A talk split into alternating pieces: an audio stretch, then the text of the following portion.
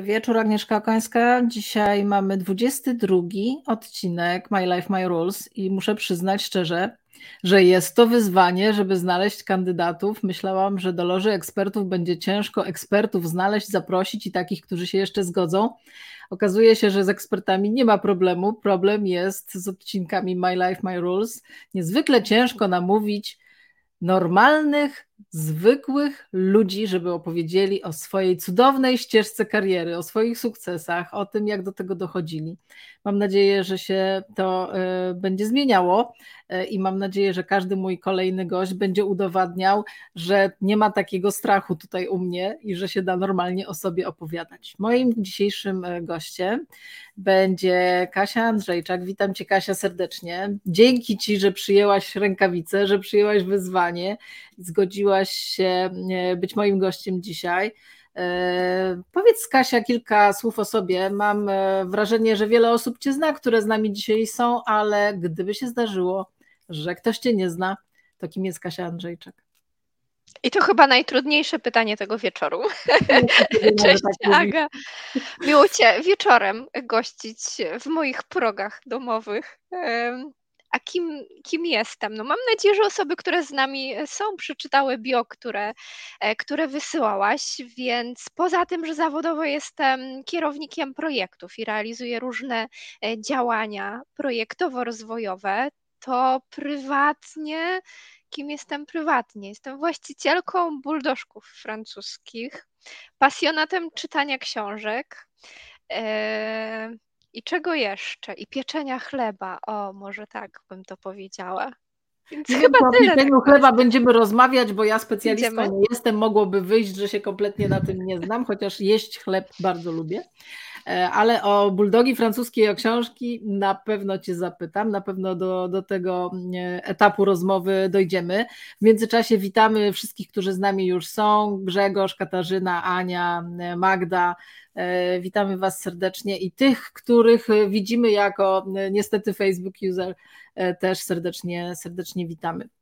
Oczywiście cały czas macie możliwość e, wrzucania tutaj na, na czacie pytań, które chcielibyście zadać e, podczas tego spotkania Kasi. E, I jak starczy, starczy nam czasu, to oczywiście do tych pytań będziemy, będziemy sięgać. Kasia, cykl My Life, My Rules zawsze zaczyna się od początku. Nie zaczynamy od środka kariery, od dnia dzisiejszego. Zawsze zabieram wszystkich w podróż od samego początku. Dlatego to nie jest e, e, wcale takie mm, e, że tak powiem, śmieszne, infantylne pytania, kim chcielibyśmy być, jak byliśmy małymi dziećmi, bo psycholodzy mówią, że to, do czego przejawiamy jakby, może nawet nie predyspozycję, ale to, kim chcemy być, jak jesteśmy dziećmi, potem w naszym dorosłym życiu, jeżeli nie zrobiliśmy czegoś w tym kierunku, to do nas wraca. Wraca i nas tam męczy. I w takiej czy innej formie, e, jeżeli, jeżeli do tego się nie odezwiemy i do tego nie wrócimy, nie spróbujemy jakoś nawiązać, to możemy nie w pełni czuć się spełnieni. Dlatego każdego pytam, bo to mnie bardzo, bardzo osobiście interesuje, kim chciałaś być, jak byłaś dzieckiem? Może to ci się zmieniało? No i właśnie odpowiedź jest e, taka, którą mam mocno przemyślaną, bo sama często zadaję to pytanie e, osobom różnym i w różnych okolicznościach, bo odpowiedzi są bardzo ciekawe, ale teraz jak powiedziałaś, że to wraca do nas w ciągu życia, to jestem trochę przerażona, dlatego że ja będąc dzieckiem marzyłam o tym, żeby być piratem. E, tak, i, i właśnie tak miało być. Natomiast nic z tych marzeń nie zostało i nie wiem skąd mi się to wzięło, bo po pierwsze, nie za bardzo lubię podróżować. Po drugie, mam chorobę morską i to taką okrutną, że no nie da się z, z nią pływać. E, no i, i co? I co z tym fantem zrobić? I co więcej? Ale może jeńców nie bierzesz, słuchaj. Może jeńców nie bierzesz po prostu. Nie biorę ale pirat to chyba brał, więc może powinnam zacząć. Przeciwieństwa. Tak, być może tutaj pirat drogowy, ale no też nie jeżdżę zbyt ostro, więc nic z tych, e, nic z tych marzeń e, specjalnie nie zostało.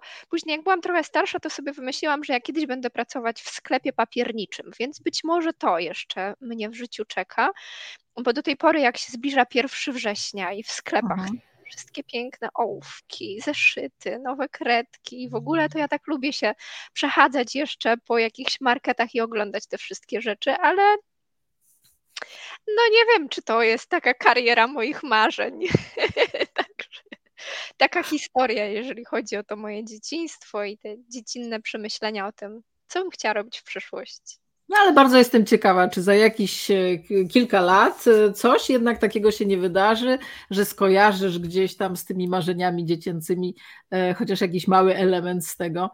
Ale powiedz, a oprócz tych marzeń, jakieś predyspozycje, jakieś takie szczególne, które gdzieś utkwiły w pamięci tobie albo twojej rodzinie, przejawiałaś, czy, czy raczej takim byłaś normalnym, zwykłym dzieckiem, jak to wszyscy coś tam potrafią przecież? Mhm. Ja myślę, że każde dziecko jest niezwykłe. Y, I jak to mawiał Korczak chyba, dziecko jest takim sympatycznym początkiem człowieka. Więc ja myślę, że byłam bardzo sympatycznym początkiem człowieka. Y, I taką, takie dwie rzeczy mi się gdzieś nasuwają. Y, jedna, którą jestem w stanie odbić na, w dniu mhm. dzisiejszym, że tak powiem, i być może się jakoś przyczynia do rozwoju moich różnych działań, a drugą może niekoniecznie. To pierwszy taki talent, który miałam, to uwielbiałam opowiadać dowcipy. I sypałam tymi dowcipami jak z rękawa. Pamiętam, że z moim bratem zbieraliśmy takie małe książeczki z dowcipami, ale były też e, kasety VHS, na których były właśnie nagrane dowcipa to o policjantach, o nauczycielach, więc tutaj ja uczyłam się tego na pamięć, e, więc może stąd też takie zamiłowanie później do różnego rodzaju poezji, recytowania wierszy, występowania publicznie, więc może to były takie zakusy. E, a druga taka rzecz, e, i teraz sobie tak myślę, że to była taka umiejętność e, skracania dystansu, ponieważ mhm. dla mnie jako dziecka bardzo ciężko było przełknięcie albo przepuszczenie przez gardło takiego powiedzenia proszę pani albo proszę pana. I ja miałam z kolei bardzo dużo cioci, wujków, babci i dziadków, bo od razu pytałam, czy możesz być moją ciocią, bo ja nie lubię na pani.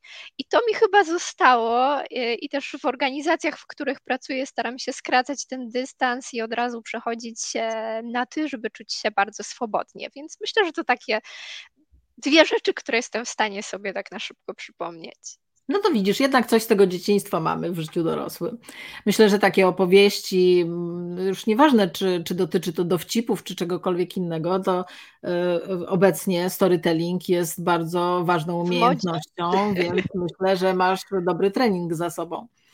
E, powiedz Kasia, bo to też jest bardzo ważne, mm, jak zdecydujemy się na jakiś kierunek naszej edukacji, wybieramy studia, czy nawet jeszcze wcześniej w szkole średniej, być może jakiś kierunek, to e, albo, albo robimy tak, bo, bo nie wiem, ktoś z naszych znajomych tak zdecydował, a my chcemy iść gdzieś tam w parze, e, albo rzeczywiście jest to nasz świadomy wybór, albo gdzieś tam historia rodziny powoduje, że nie wiem, dziadek ojciec był prawnikiem, no to trudno, żeby syn nie był prawnikiem. Wiesz, to, to różne, różne, różne historie są związane z mm, edukacją. Powiedz, jak to było w Twoim przypadku? Czy wybór e, studiów był Twoim świadomym wyborem i czy to Ci się w ogóle sprawdziło? Czy gdybyś dzisiaj decydowała o tym, to zupełnie inaczej byś zdecydowała? Mhm. Ja chyba w momencie, kiedy wybierałam sobie studia, to nie miałam takiej dużej świadomości tego, co ja bym tak naprawdę w życiu chciała robić. I, i Myślę, że to też nie były takie czasy, chociaż no nie są nie wiadomo jak odległe, ale gdzie było coś takiego popularne w szkole, jak doradztwo kariery zawodowej, czy, czy coś w tym rodzaju.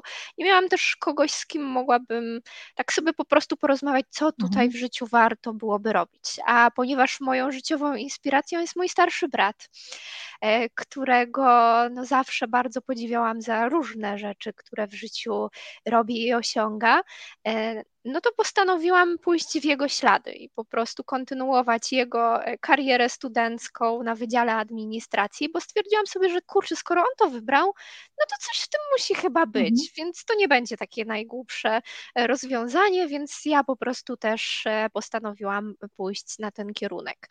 Natomiast zastanawiając się pod tym kątem, czy warto byłoby zrobić coś innego, to ja chyba jestem taką osobą, która nie rozpamiętuje za bardzo rzeczy, mhm. które się już wydarzyły i na które nie miałam, znaczy może inaczej, na tamte rzeczy miałam wpływ, ale teraz już i tak nic nie zmienię, więc po co się nad tym zastanawiać? E, co nie zmienia faktu, że dalej gdzieś się kształcę e, i zdobywam nową wiedzę, natomiast nie zmieniłabym swojego kierunku studiów, mimo że nie robię nic, co jest związanego z administracją. Mhm. E, I to też być może jest dla kogoś takim um, takim tipem życiowym, że to, że jeżeli wybierzesz dzisiaj studia takie, a nie inne, to nie znaczy, że będziesz całe życie później e, przekładał właśnie te papiery z jednej strony na drugą stronę, albo do końca życia będziesz nauczycielem, nie wiem, filozofem, muzykiem, kimkolwiek. E, w związku z czym no teraz ten rynek też jest tak otwarty i tak jest dużo dostępu do tego, żeby się przebranżowić, żeby coś zmienić w swoim życiu, że ja bym się chyba tak bardzo nie napinała na to, co chcemy studiować, aczkolwiek fajnie, żeby wybrać sobie coś, co będzie nas fascynowało, czym będziemy zaciekawieni, no bo jednak te pięć lat studiów to jest kawał naszego życia. No dokładnie, chociaż e, potwierdzam to, co mówisz. E, nie będę teraz wyszukiwać procentów w książce, ale w książce dobrze zaprojektowane życie mm, e, są przytaczane fakty i mity, i to, co powiedziałaś, około 80% osób na całym świecie wykonuje swoją pracę, prowadzi biznes, e, e, pracuje w kierunku, który kompletnie nie jest związany z kierunkiem studiów.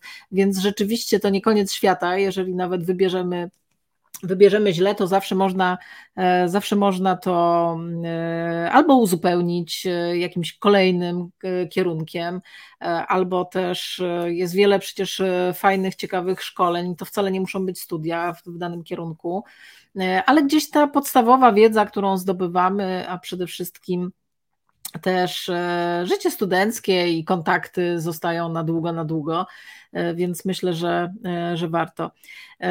Powiedz Kasia, a kiedy zaczęłaś swoją no, karierę zawodową, kiedy zaczęłaś pracować? Czy to jeszcze było w czasie studiów, czy, czy, czy, czy po i co to było? Powiedz, jak, jak trafiłaś tam, gdzie trafiłaś? Mhm. No właśnie, jak dołączam do nowych organizacji, to wszystkim się wydaje, że ja tutaj przyszłam zaraz po studiach i w ogóle jestem taka młodziutka, a na swoim koncie mam już 15 lat doświadczenia zawodowego, w związku z czym ja zaczęłam bardzo wcześnie, bo zaraz po liceum moją pierwszą pracą była praca w firmie cateringowej, która nadal świetnie prosperuje i serdecznie polecam. E, I tam, czym się zajmowałam, no no cóż, no robiłam kanapki, sałatki, przygotowywaliśmy cateringi, obsługa imprez i tak dalej. I to był czas takiej nauki trochę współpracy z mhm. innymi osobami, e, tego, że w pracy można mieć dużo fanu, i nie trzeba z jakimś tam nie wiadomo wielką powagą podchodzić do, do, różnych rzeczy. E, a wówczas to była taka niewielka rodzinna firma, która teraz właśnie bardzo mocno się rozwinęła i, i rozwija skrzydła, więc mam nadzieję, że też przyłożyłam swój kamyczek do tego rozwoju. Swoją kanapkę swoją kanapkę, tak, być może. No i to było takie moje pierwsze doświadczenie. Jeżeli chodzi o kolejne, no to, to ja pracowałam w bardzo różnych miejscach. Później przez chwilę pracowałam w e, takiej fundacji, która zbierała fundusze e, na dzieci z biednych rodzin. E, potem znalazłam się w IKEA, nomen omen w nadziale dziecięcym. Nie wiem skąd to się wzięło, no ale tak wyszło. I ostatecznie po Ikei trafiłam do miejsca, w którym spędziłam ponad 8 lat swojego życia, które mnie bardzo mocno, uważam, ukształtowało i ta firma mnie wychowała. I do tej pory lubię mówić o tym, że w moich żyłach nadal płynie żółta krew bo bardzo utożsamiałam się z wartościami tej firmy. E, no i do tej pory na przykład znam strategię na pamięć, więc e, można mnie w nocy o północy obudzić, a ja ją recytuję po prostu z pamięci. Także, także tutaj robiłam bardzo różne rzeczy i byłam w różnych obszarach. Najpierw w customer service jako konsultant. Dosyć szybko bo po dziewięciu miesiącach pracy jako konsultant zostałam superwajzorem, więc to było moje pierwsze zetknięcie z zarządzaniem zespołem i to był całkiem spory zespół, bo taki, no to tam się wahało, no bo wiadomo, czasem jest większe zatrudnienie, czasem mniejsze, ale od 10 do 16 osób, więc to już jest, e, jest całkiem sporo i tu mam całą masę wspomnień i do tej pory znajomości i wysyłamy sobie życzenia na święta i zagadujemy do siebie, co tam u nas słychać, bo rozeszliśmy się po różnych częściach e, i biznesu i, i, i Polski, nie wiem czy świata, świata chyba nie, e, ale nadal, nadal gdzieś utrzymujemy te kontakty e, i po tym obszarze Customer Service trafiłam do działu komunikacji, e, gdzie zajmowałam się takim projektem e, NPA, czyli Net Promoter Approach, który zbierał informacje od klientów odnośnie e, ich oceny naszych działań. No i później wprowadzaliśmy różnego rodzaju usprawnienia i działania w organizacji i stamtąd przeszłam już do obszaru PMO, który wówczas powstał I byłam pierwszą osobą, która w ogóle w tym obszarze e, się w firmie zajmowała działaniami. Także tak to było, jeżeli chodzi o tą, o tą żółtą machinę. Nie wiem, czy można lokować produkty, czy nie. Można.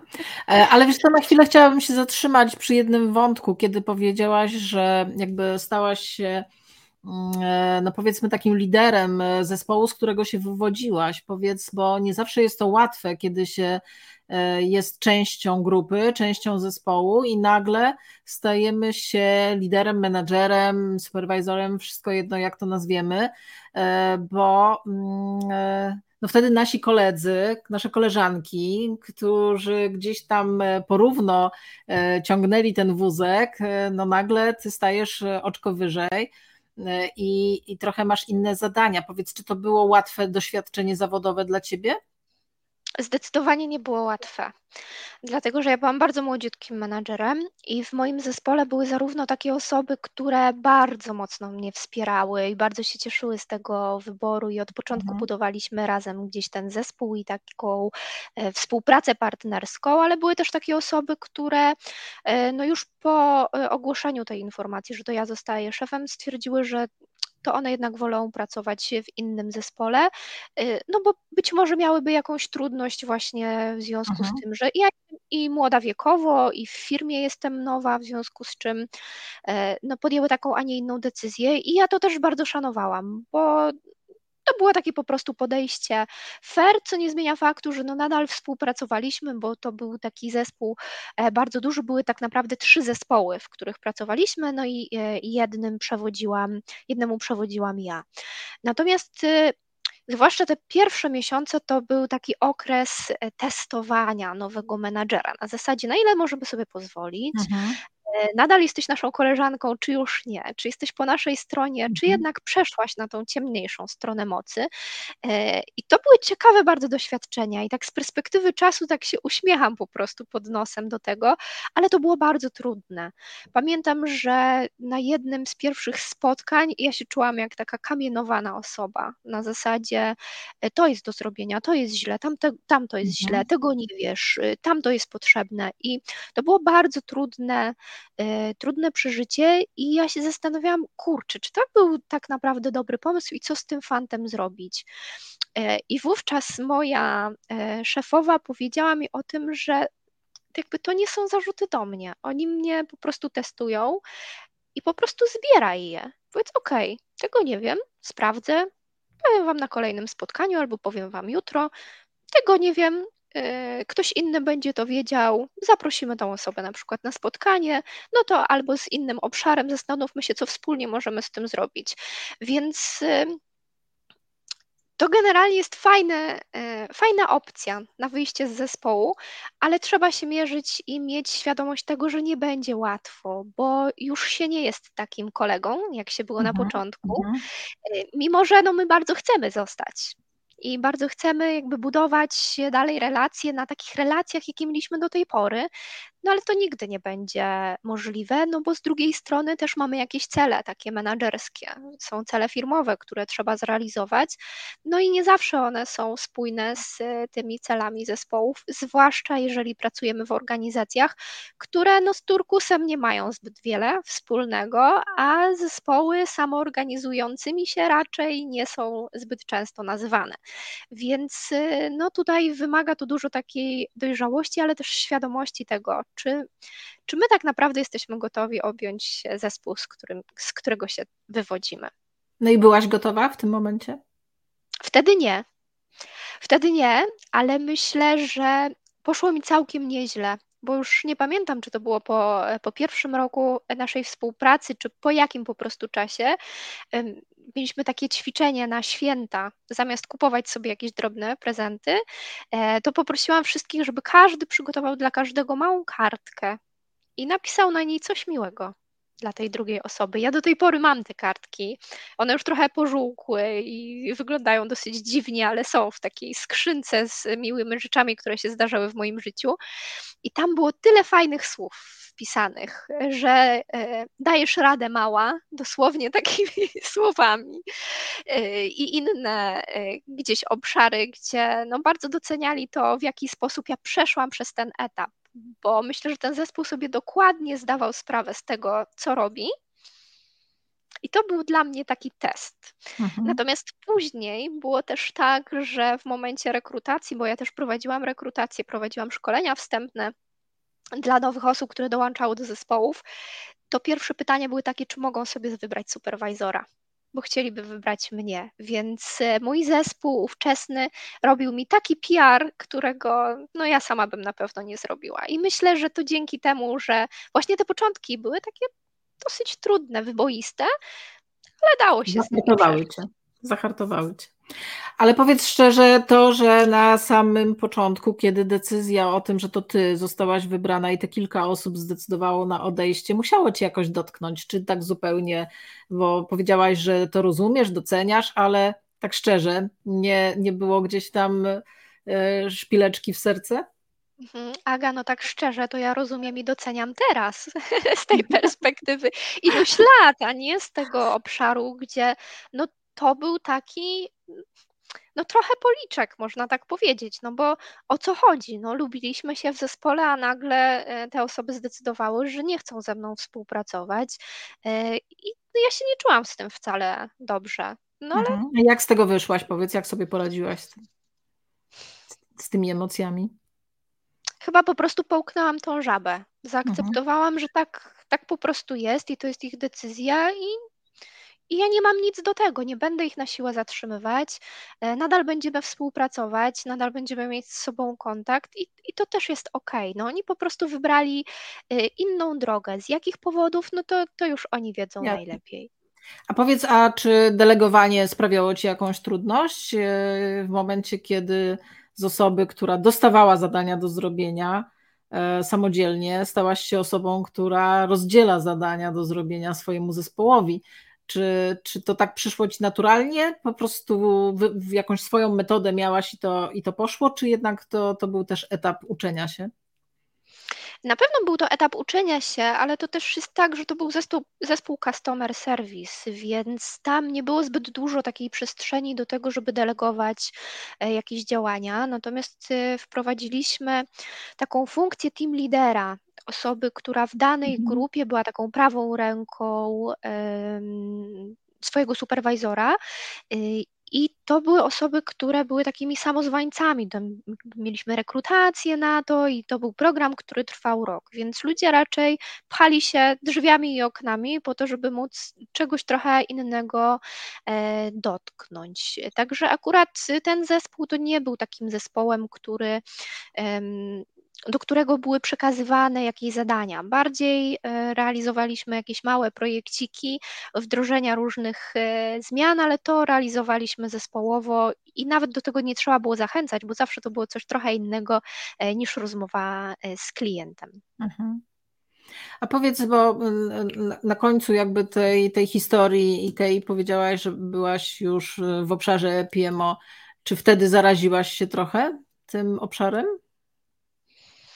E, obszarem zarządzania projektami, mhm. to zaraziłam się już wcześniej, wiesz, bo miałam taki e, epizod y, mentoringów z moją wczesną panią dyrektor w Customer Service e, i myślę, że to ona tchnęła we mnie taką chęć do tego, żeby spróbować gdzieś indziej, bo mhm.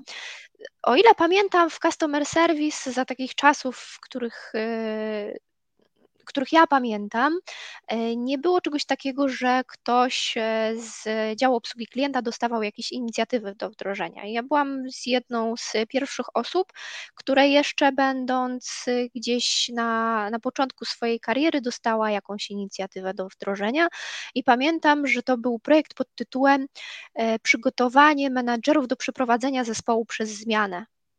Więc temat naprawdę, mhm, naprawdę duży i wymagający. No i jakoś poszło, udało się. I to była pierwsza rzecz. E, no i później zostałam zamieszana w różne inne projekty, między innymi takiej certyfikacji, która stanowiła o tym, że to jest najlepszy customer service ever.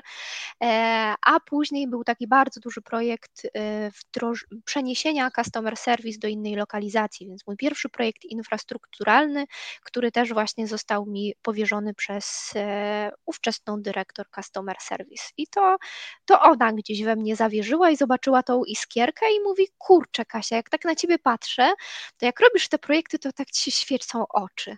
I może to jest ten, może to jest ta twoja ścieżka. E, no i ja trochę w to uwierzyłam na zasadzie, no w sumie faktycznie tak jest, że, że ja lubię to robić. No i tak już zostało, a to już było kilka dobrych lat temu. Mhm.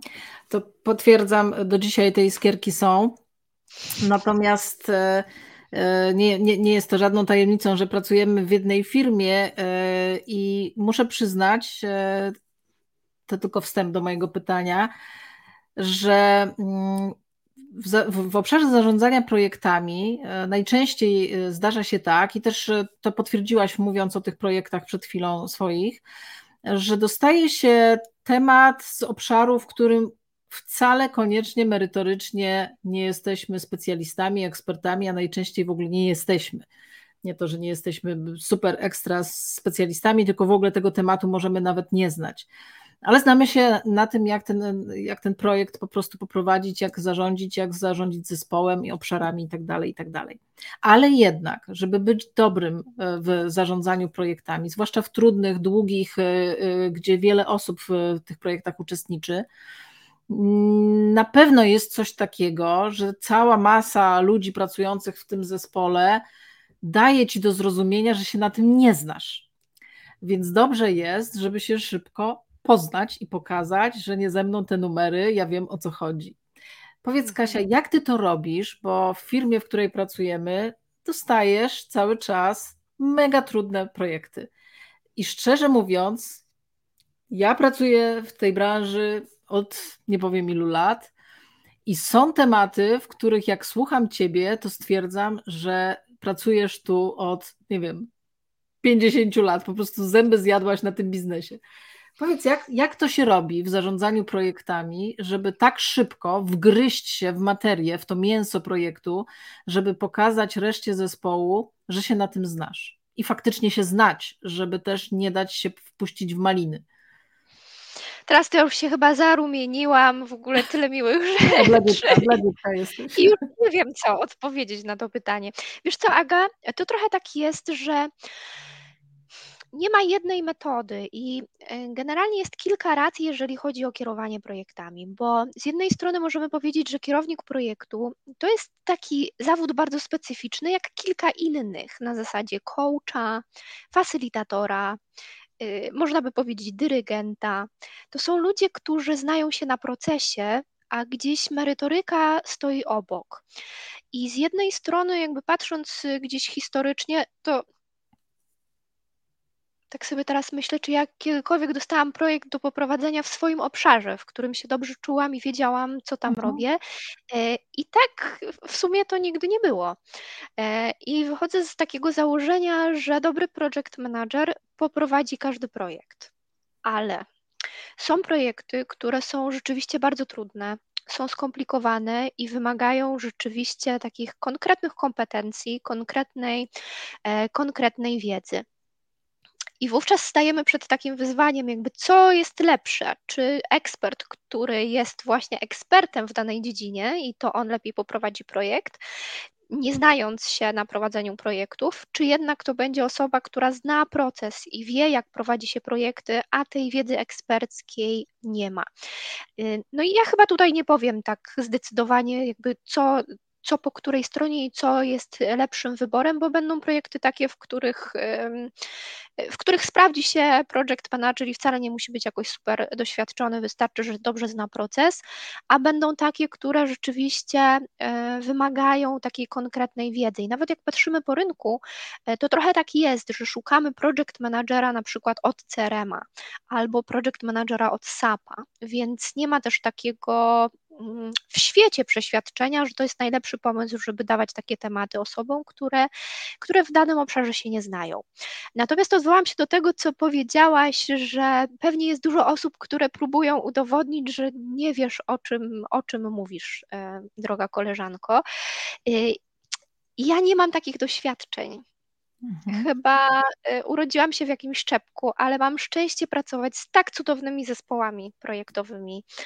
Y, I zarówno teraz przy ogromnym wdrożeniu, które robimy, mm, właśnie w naszej organizacji i we wcześniejszych projektach, i myślę, że ja jestem mądrością mojego zespołu i to zespół wnosi najwięcej do tego projektu, a ja po prostu staram się wyciągnąć e, jak najwięcej informacji i tego, w czym ja e, temu zespołowi jestem w stanie pomóc. Oczywiście, jakby muszę szybko nadrabiać różne rzeczy, bo czasem się tak zastanawiam, nawet będąc e, na jakimś spotkaniu projektowym, że oni mówią o takich skomplikowanych rzeczach. Ja się tak zastanawiam, kurczę, czy ja powinnam to wiedzieć, czy, czy może jednak nie. Więc ileś tego czasu musimy jednak przeznaczyć zwłaszcza jeżeli jesteśmy w tym obszarze, który jest poza zakresem takich naszych standardowych, e, codziennych działań. E, I warto tutaj się wspierać zespołem. Natomiast e, kluczowe będzie to, żeby do tego zespołu dobrać takie osoby, które nie będą patrzyły na Twoje potknięcie albo będą obserwowały te potknięcia, ale tylko po to, żeby Ci podać pomocną rękę i pomóc Ci wstać i powiedzieć: Słuchaj, Kasia, to jakby zajrzyj do tego, tutaj znajdziesz tą informację, albo chodź to ci coś opowiem. I ja mam ogromne szczęście do takich zespołów, za co jestem e, ogromnie wdzięczna. Także no, trochę, trochę koloryzujesz, bo nie zawsze mamy wpływ na to, jaki zespół dostaniemy do tego, takiego projektu. Trochę dostajemy to e, z dobrodziejstwem inwentarza, więc myślę, że jednak jakieś takie interpersonalne cechy, które posiadasz, pozwalają też zjednywać sobie tych, e, tych e, pomagaczy i tych, którzy tą, tą, tą pomocną rękę wyciągają, bo fajnie by było w świecie idealnym, kiedy sobie możesz iść po organizacji i po prostu to poproszę najlepsze jednostki tutaj do mnie, bo mam fajny projekt do zrobienia. No wiesz sama, że tak nie jest i, i że dostajemy, dostajemy zespół, oczywiście ekspertów, ale, ale dostajemy ludzi, którzy po prostu są w danej dziedzinie i myślę, że to, że chcą współpracować i chcą pomagać, to jednak musi być e, też konsekwencją tego, jaką masz osobowość, jak, jak relacyjna jesteś, e, jak nawiązujesz właśnie te kontakty i też pokazujesz, że tą współpracę chcesz e, rozwijać, więc tak, tak jakby nie uciekaj, nie uciekaj od, od tego, że, że, że, że jesteś temu winna. E, ale tak jak powiedziałaś, trzeba jednak trochę nadrabiać, trzeba tą wiedzę e, pozyskiwać. E, nigdy tego czasu za wiele nie mamy. Powiedz, czy ty jesteś osobą uporządkowaną, dobrze zarządzającą swoim czasem, bo robisz tego sporo, a chcę przejść trochę do, do projektu takiego on top, który jest poza normalnymi zakresami obowiązków, a który jest bardzo ciekawym projektem, e, tak zwany Espresso Session, które uruchomiłaś, taki program edukacyjny, chcę, żebyś o nim trochę opowiedziała, ale jak znaleźć czas na coś takiego, kiedy ma się takie mega projekty wielkie do zrobienia i wiem, jak dużo one wymagają czasu, jak znaleźć jeszcze na coś ekstra, więc wracam do pytania z początku, czy jesteś osobą dobrze zorganizowaną? Tak, tak sobie myślisz? Myślę, że tak. I tutaj, wiesz, potrzeba jest matką wynalazków, prawda? Natomiast jakby z tą organizacją, czy czasu pracy, czy w ogóle naszego czasu, jest trochę jak z żonglowaniem piłkami, prawda? I jak masz je trzy w rękach, no to jest całkiem łatwo, o ile ktoś w ogóle umie żonglować. Ja, ja nie umiem, ale tak sobie to wyobrażam. W każdym razie jakby jest skończona ilość tych piłek, którymi jesteś w stanie żonglować e, za jednym razem.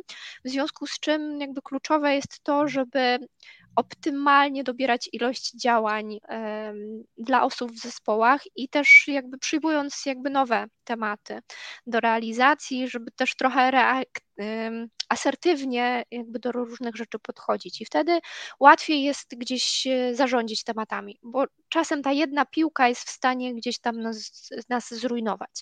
Natomiast no ja też rzeczywiście no, robię dużo rzeczy, ale też dlatego, że ja mam taki zapał na zasadzie, że jest o, rety, coś fajnego, to ja bym chciała się w to zaangażować i tak będę coś tam zmieniać i upychać i skracać i przycinać, żeby jednak chociaż w jakiejś części móc się w coś zaangażować. I przyznam, że tutaj jest dużo takich narzędzi, z których można skorzystać i, ja rzeczywiście na nich pracuję i znowu będzie lokowanie produktu, ale trudno.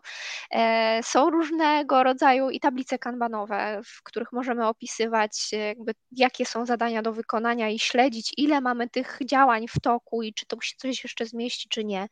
E, są takie narzędzia jak Tudusy, gdzie mamy checklistę zadań. Jestem teraz przy służbowym komputerze, ale moje ulubione narzędzie to jest takie, o, postity. Więc mam tutaj komputer nimi obklejony, więc ta forma digitalowa nie zawsze jest e, dla mnie dobra, więc sobie różne rzeczy odznaczam. E, także zachęcam do tego, żeby po prostu próbować sobie z różnymi narzędziami i trochę oceniać, jakby jak dużo czasu nam zajmie dane zadanie, tak? I czy, czy my mamy czas mhm. i czy mamy czas na to, jeżeli rzeczywiście nam na czymś zależy, to jesteśmy w stanie naprawdę sobie tak poukładać różne rzeczy, żeby następne rzeczy wepchnąć. I tutaj jakby tym przydługim może wstępem przejdę do tego espresso, o którym zapytałaś. No bo się to, to pojawiło jest... w głowie. Tak, to też jest taka potrzeba chwili i tego, że no ja tego czasu mam naprawdę mało. Yy, znaczy, no mam tyle samo co każdy inny, ale jest po prostu zapełniony różnymi rzeczami. E, a z drugiej strony i ja mam taką ogromną pasję do prowadzenia szkoleń, a z drugiej strony dużą potrzebę do tego, żeby się uczyć czegoś więcej. Byłam też na kilku takich szkoleniach, z których stwierdziłam, że Boże, spędziłam dwa dni, a wyniosłam z tego może pół godziny jakiejś treści i bez sensu. I ja nie chcę iść na kolejne takie, mhm. takie szkolenie, bo ani nie mam czasu, a po drugie, no no szkoda prądu, jak to mówimy w naszej branży. E, I czasem jest też tak, że oglądasz jakieś szkolenie i masz tą agendę i widzisz, jakie są tematy, i tu mówisz tak, e, umiem, umiem, umiem, o tym czytałam, o, to by mi się przydało, no ale to jest jedna z ośmiu rzeczy. No i stąd narodził się właśnie pomysł Espresso Session, które z założenia miały być takimi i były krótkimi sesjami szkoleniowymi, bo miały trwać od 30 minut do 60 minut maksymalnie, gdzie trener zwany przez nas baristą prezentował jakiś konkretny temat, jakieś jedno konkretne narzędzie, y, co do którego po prostu uczestnicy mieli je wziąć i wytestować sobie w życiu. A jak chcecie więcej, no to zapiszcie się na jakieś większe szkolenie, doczytajcie o tym, więc to miała być taka zachęta do tego, żeby ludzie zaczęli mhm. się gdzieś bardziej interesować swoim rozwojem. I muszę przyznać, że to był duży sukces, bo przez e, kwartał, tyle trwał pilot, e, przeszkoliliśmy 420 osób. E, było 14 różnych sesji. Tematy były bardzo różne, bo były i narzędzia Microsoftowe, i była siła snu, i obszar coachingu i mentoringu, i metaprogramy, i narzędzia takie jak Pokajoke, Mairo, tego typu tematy, więc przekrój był naprawdę duży i można było wybrać coś fajnego dla siebie. A to, o czym świat, to, co świadczy o tym, że, że to był dobry pomysł, to było to, że opublikowałam post na LinkedInie, żeby się podzielić tym, że o, wdrożyliśmy, że takie super tematy w tym kwartale i kilka osób się, słuchaj, do mnie odezwało takich, których ja do tej pory nie znałam, więc nawet nie z mhm. mojego obszaru, że im się chcieli zapisać na to szkolenie. A ja mówię, fajnie, dzięki, ale to zapraszam na rekrutację do nas, to u nas tylko wewnętrznie takie rzeczy się dzieją. E, więc to też jakby świadczy o tym, że jest mhm. potrzeba takich e, super szybkich szkoleń. E, no i też świadczy o tym, że ludzie jednak chcą się rozwijać, że mają tą potrzebę, no ale nie zawsze mają czas i nie zawsze mogą go po prostu poświęcić na to, żeby spędzić go na 8-godzinnym szkoleniu. Mhm. Potwierdzam. Myślę, że takie krótkie, nawet przy kawie, właśnie dlatego ta nazwa, e, zrobić sobie przerwę e, w pracy i, i się czegoś e, nauczyć ciekawego, to naprawdę dobry, dobry pomysł. Powiedz, Kasia, no, w biznesie to jest bardzo ważne. Jak starasz się budować swój wizerunek i autorytet? Masz też jakieś łatwiejsze pytania tam? Tak, mam, o, o buldożkach. Dobra, to później będzie o buldożkach. Budowanie wizerunku. To jest temat, e, temat rzeka. I z jednej strony, jaka jest Kasia, każdy widzi. Blondynka, delikatna, z takim dziecięcym, dziewczęcym głosem, więc nie jest łatwo. I jak sobie tak sięgnę pamięcią, to zawsze to było coś, z czym ja musiałam pracować. Zazdrościłam osobom, które mają inną prezencję, e, co do tego, że no im jest po prostu w życiu łatwiej, a ja muszę się napocić. I pamiętam, że jak e, wtedy akurat pracowałam w Ikei i miałam burzę loków, bo generalnie to mam kręcone, e, kręcone włosy i miałam je takie prawie długie, że do pasa. I stwierdziłam, że nie no, jakby bez kitu. Ja już nie mam siły się z tym mierzyć. I obcięłam włosy na naprawdę bardzo krótko, takiego jeżyka o. Były czerwone i zafundowałam sobie oprawki z y, okularów takie ciemniejsze, może nie aż tak ciemne jak twoje, ale jednak były takie widoczne. Więc stwierdziłam, że ten swój autorytet będę budować trochę innym wizerunkiem, że już nie będę taką po prostu słodką blondynką, tylko gdzieś w innym obszarze. E, I to na krótką metę się nawet sprawdzało. Później zmieniłam pracę właśnie na DHL Express, e, gdzie też no, zwracali wszyscy uwagę na to, że o, taka tam e, drobniutka Kasia i, i co ona nam tutaj będzie mówić, więc też zaczęłam się ubierać trochę w inny sposób, jakieś żakiety, koszule i tak dalej. No ale skutek był tego taki, że miałam taki wizerunek pani nauczyciel e, z dziennikiem i w ogóle, więc no to też, też nie wyszło. No i teraz takie budowanie wizerunku to jest bardzo ciężki kawałek chleba, bo z jednej strony jakby mamy wygląd taki, jaki mamy e, i możemy trochę sobie tutaj poszaleć z nimi, pewnie zgłosić się do jakiegoś specjalisty, który nam pomoże się ubrać, dobierze jakąś fryzurę, tylko pytanie, czy jakby w tym zostajemy sobą, czy jednak stajemy się kimś innym i na ile chcemy e, mhm. kimś innym być. I ja doszłam do wniosku, że jakby mój autorytet gdzie indziej musi się budować, że po prostu no to jest ta cicha woda, ale jeszcze zobaczysz, jakby, że to się da zrobić skutecznie, że jestem w stanie zbudować ten autorytet i to nie jest taki autorytet z nadania, bo jeżeli mamy autorytet z nadania, no to wiadomo, wchodzi pani prezes, no i chociaż no są takie historie i ty, e, ty to wiesz, bo miałaś tako, takiego gościa, e, czy z nim współpracowałaś, e, gdzie no nie wystarczy być prezesem do tego, żeby od razu gdzieś tam wzbudzać autorytet. I myślę, że ja sobie wyrabiam taką markę po prostu tym, w jaki sposób ja działam pokazywaniem swojej skuteczności, budowaniem relacji i jakby to wychodzi samo i to nie jest taki autorytet właśnie napompowany jakimś nie wiadomo czymś, tylko takiego pomieszania autorytetu z e, czystą sympatią i chęci e, po prostu współpracy z daną osobą. Także myślę, że to jest gdzieś e, clue, natomiast no to przy pierwszym spotkaniu pamiętam też, że i to nawet niedawno jeden e, z kolegów e, z naszej organizacji mi powiedział, że no on to od początku jakoś tak nie za bardzo e, wierzył w tym, że tam inni mówili, że no ja jestem taka skuteczna i w ogóle o co chodzi z tą Kasią, no bo jego wkurza ten mój głos. Mówię, aha, super, dzięki. Ale na koniec dodał, że wystarczyło kilka spotkań dosłownie. Ja ciebie tak posłuchałem i popatrzyłem, co ty robisz. I mówię, kurde, mieli rację.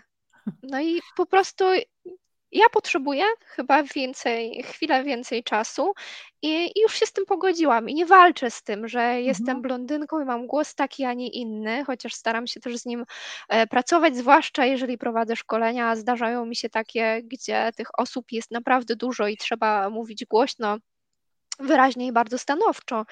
E, więc no, ja mam taką receptę zaakceptowania po prostu tego, że jest tak, jak jest, i ja po prostu w inny sposób muszę, e, muszę budować swój autorytet, co nie zmienia faktu, że myślę, że duży wpływ na to, e, jaki, jaki ja mam PR, ma otoczenie i osoby, które mocno mnie w organizacji promują, i no to też należy docenić. Kasia, a powiedz mi, E, bo wiem, że zaczynasz obecnie studia podyplomowe. E, przed chwilą mówiłaś, że nie ma czasu na dłuższe e, uczenie się, trzeba celować krótko, ale jakby strzelać krótko, ale celnie. Powiedz, skąd przyszedł Ci pomysł na, na studia podyplomowe i co to za kierunek? Powiedz nam trochę o tym, bo może zainspirujesz tu kogoś. Mhm. Dwa, y, dwa aspekty tutaj muszę poruszyć. Z jednej strony to to, że jestem fanką podcastu, który się nazywa Manager Plus. Zachęcam do posłuchania. I, I, jego autor jest autorem jednocześnie studiów, na które się wybrałam, a te studia to Agile Leadership o zwinnym przywództwie. E, I to był jeden taki e, motor mojego działania. I tak sobie już od kilku lat myślę o tym, że ale fajnie by było wziąć udział w tych studiach. A z drugiej strony to jest wyzwanie, przed którym e, stanęłam i podniosłam rękawicę zostania menadżerem w organizacji i stwierdziłam, że kurczę, mimo że uważam, że jestem menadżerem XXI wieku, a przynajmniej tak świadczą szkolenia, które robiłam, to ten XXI wiek jest takim dziwnym wiekiem. E, gdzie no, trzeba naprawdę mocno się nagimnastykować, żeby nie, nie chodzi o to, żeby dogodzić wszystkim, ale żeby przewodzić w taki mądry sposób i szukać takich narzędzi takiego mindsetu, które pozwolą nam być wiarygodnym, pozostać sobą w tym, w tym przewodzeniu, ale z drugiej strony pociągnąć za sobą tłumy, e, no i też właśnie budować autorytet, jakiś respekt wśród, e, wśród innych. Więc myślę, że to jest coś, co, co pozwoli mi patrzy, popatrzeć na przywództwo z trochę innej perspektywy. No rzeczywiście, jeśli chodzi o przywództwo, zmienia się to niezwykle, e, bo jeżeli popatrzymy na 20 powiedzmy ostatnich lat, to to było takie nudne, dyrektywne, potem e, jakieś pomysły na, na, na wspierające, natomiast dziś to wszystko już można do lamusa. Po prostu czasy są tak nieprzewidywalne, mm, tak zaskakujące, e, że tak jak powiedziałaś, e, no trzeba trochę innego zestawu narzędzi, wiedzy, i trochę, trochę innego podejścia, żeby, żeby przeżyć nawet. Ja już nie mówię, żeby być super menadżerem, tylko żeby przetrwać w tym trudnym czasie, więc zgadzam się z Tobą e, w stu procentach. E, dlatego też, e, dlatego też ja, ja, ja się interesuję tym, mm, tą neuronauką i, i mhm. opcjami, które, które gdzieś tam nasz mózg jeszcze nie do końca zbadany nam daje żeby też trochę na wyższy poziom wchodzić. To są rzeczywiście obszary niezwykle interesujące, niezwykle ciekawe i kibicuję Ci. Mam nadzieję, że podzielisz się tą wiedzą, którą tam zdobędziesz w jakiś sposób e, przyjazny e, z Przy innymi. espresso jakimś na przykład. Przy, jakimś espresso, dokładnie. Kasia, czy starcza Ci mimo wszystko jeszcze oprócz tego wszystkiego, co robisz, czasu na jakieś hobby? Masz jakieś zainteresowania pozazawodowe? Na pewno masz, powiedz tylko jakie. Mam ich całkiem sporo.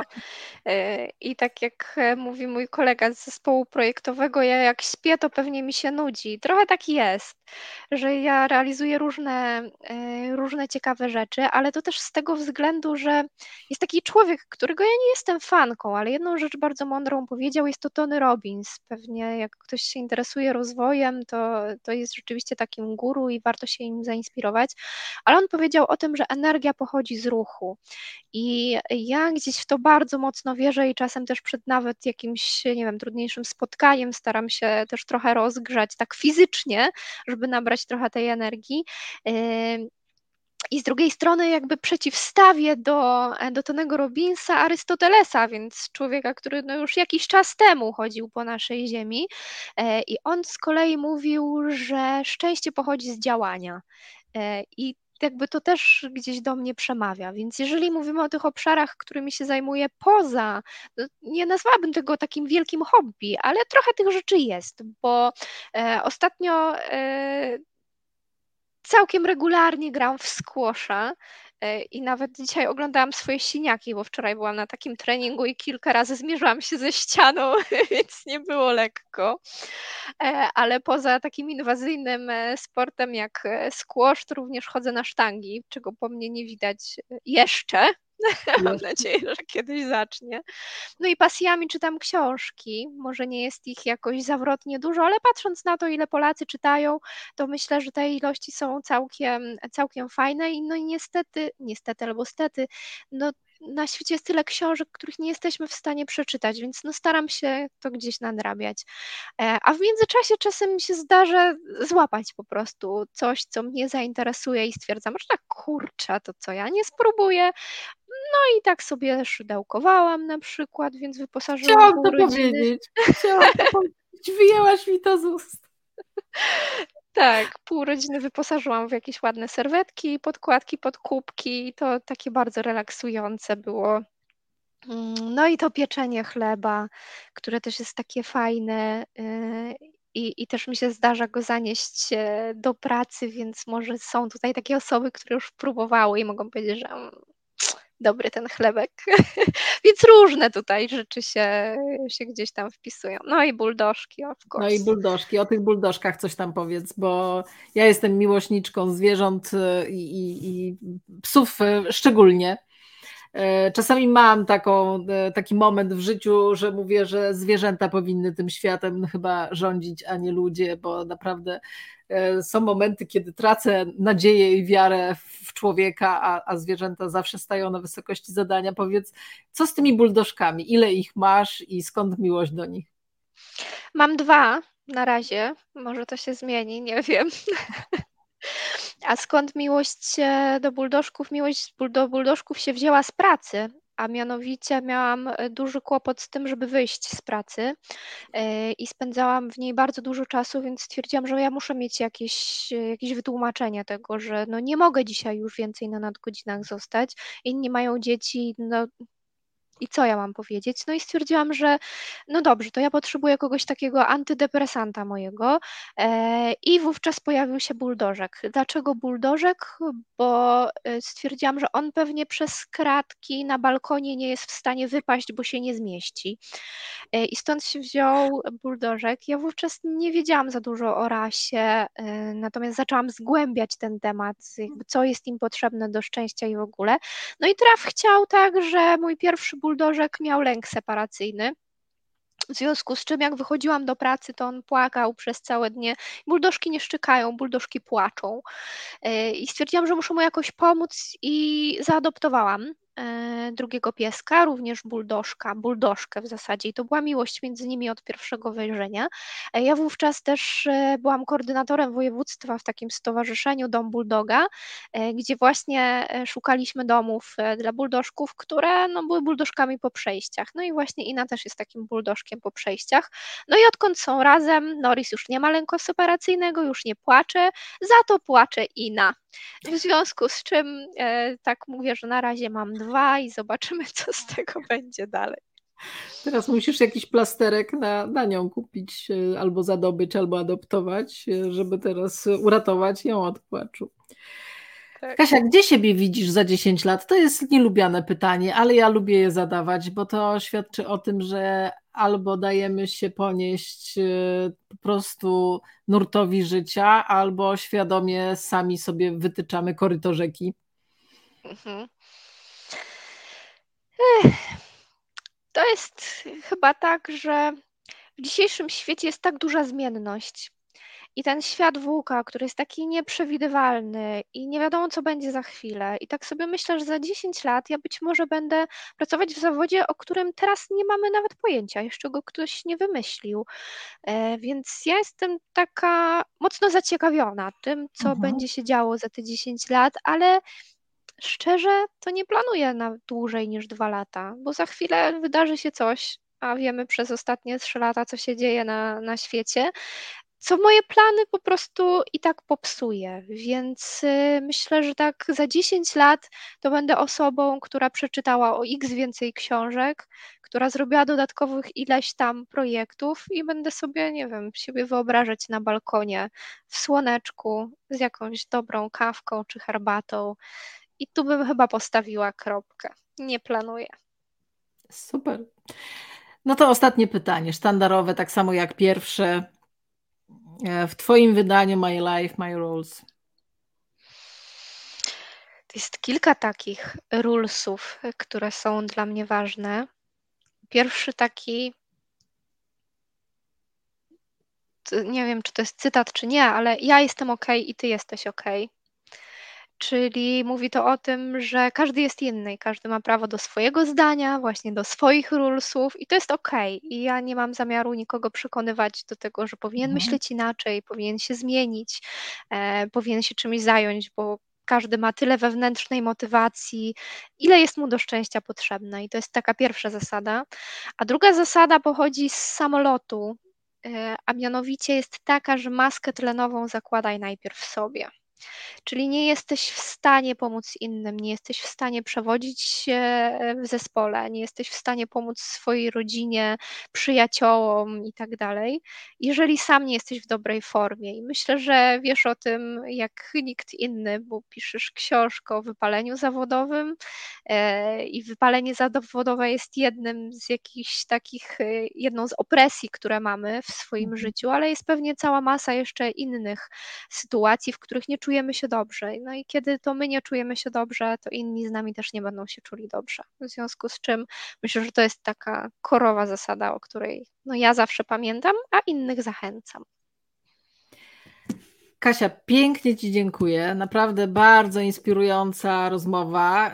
Ja nie znam Cię aż tak dobrze, bo krótko ze sobą pracujemy i mnie ta rozmowa dała też e, dużo szerszy obraz e, na Twój temat. Myślę, że wiele, wiele ciekawych cytatów z Ciebie zostanie i wiele fajnych, ciekawych pomysłów. Także bardzo serdecznie dziękuję za tą fajną rozmowę. Ja również dziękuję. I dziękuję wszystkim, którzy z nami byli, bo była niezła gromadka, słuchajcie. Także dziękuję i zapraszam za, za tydzień. E, dzięki wszystkim, że byliście z nami. Do zobaczenia.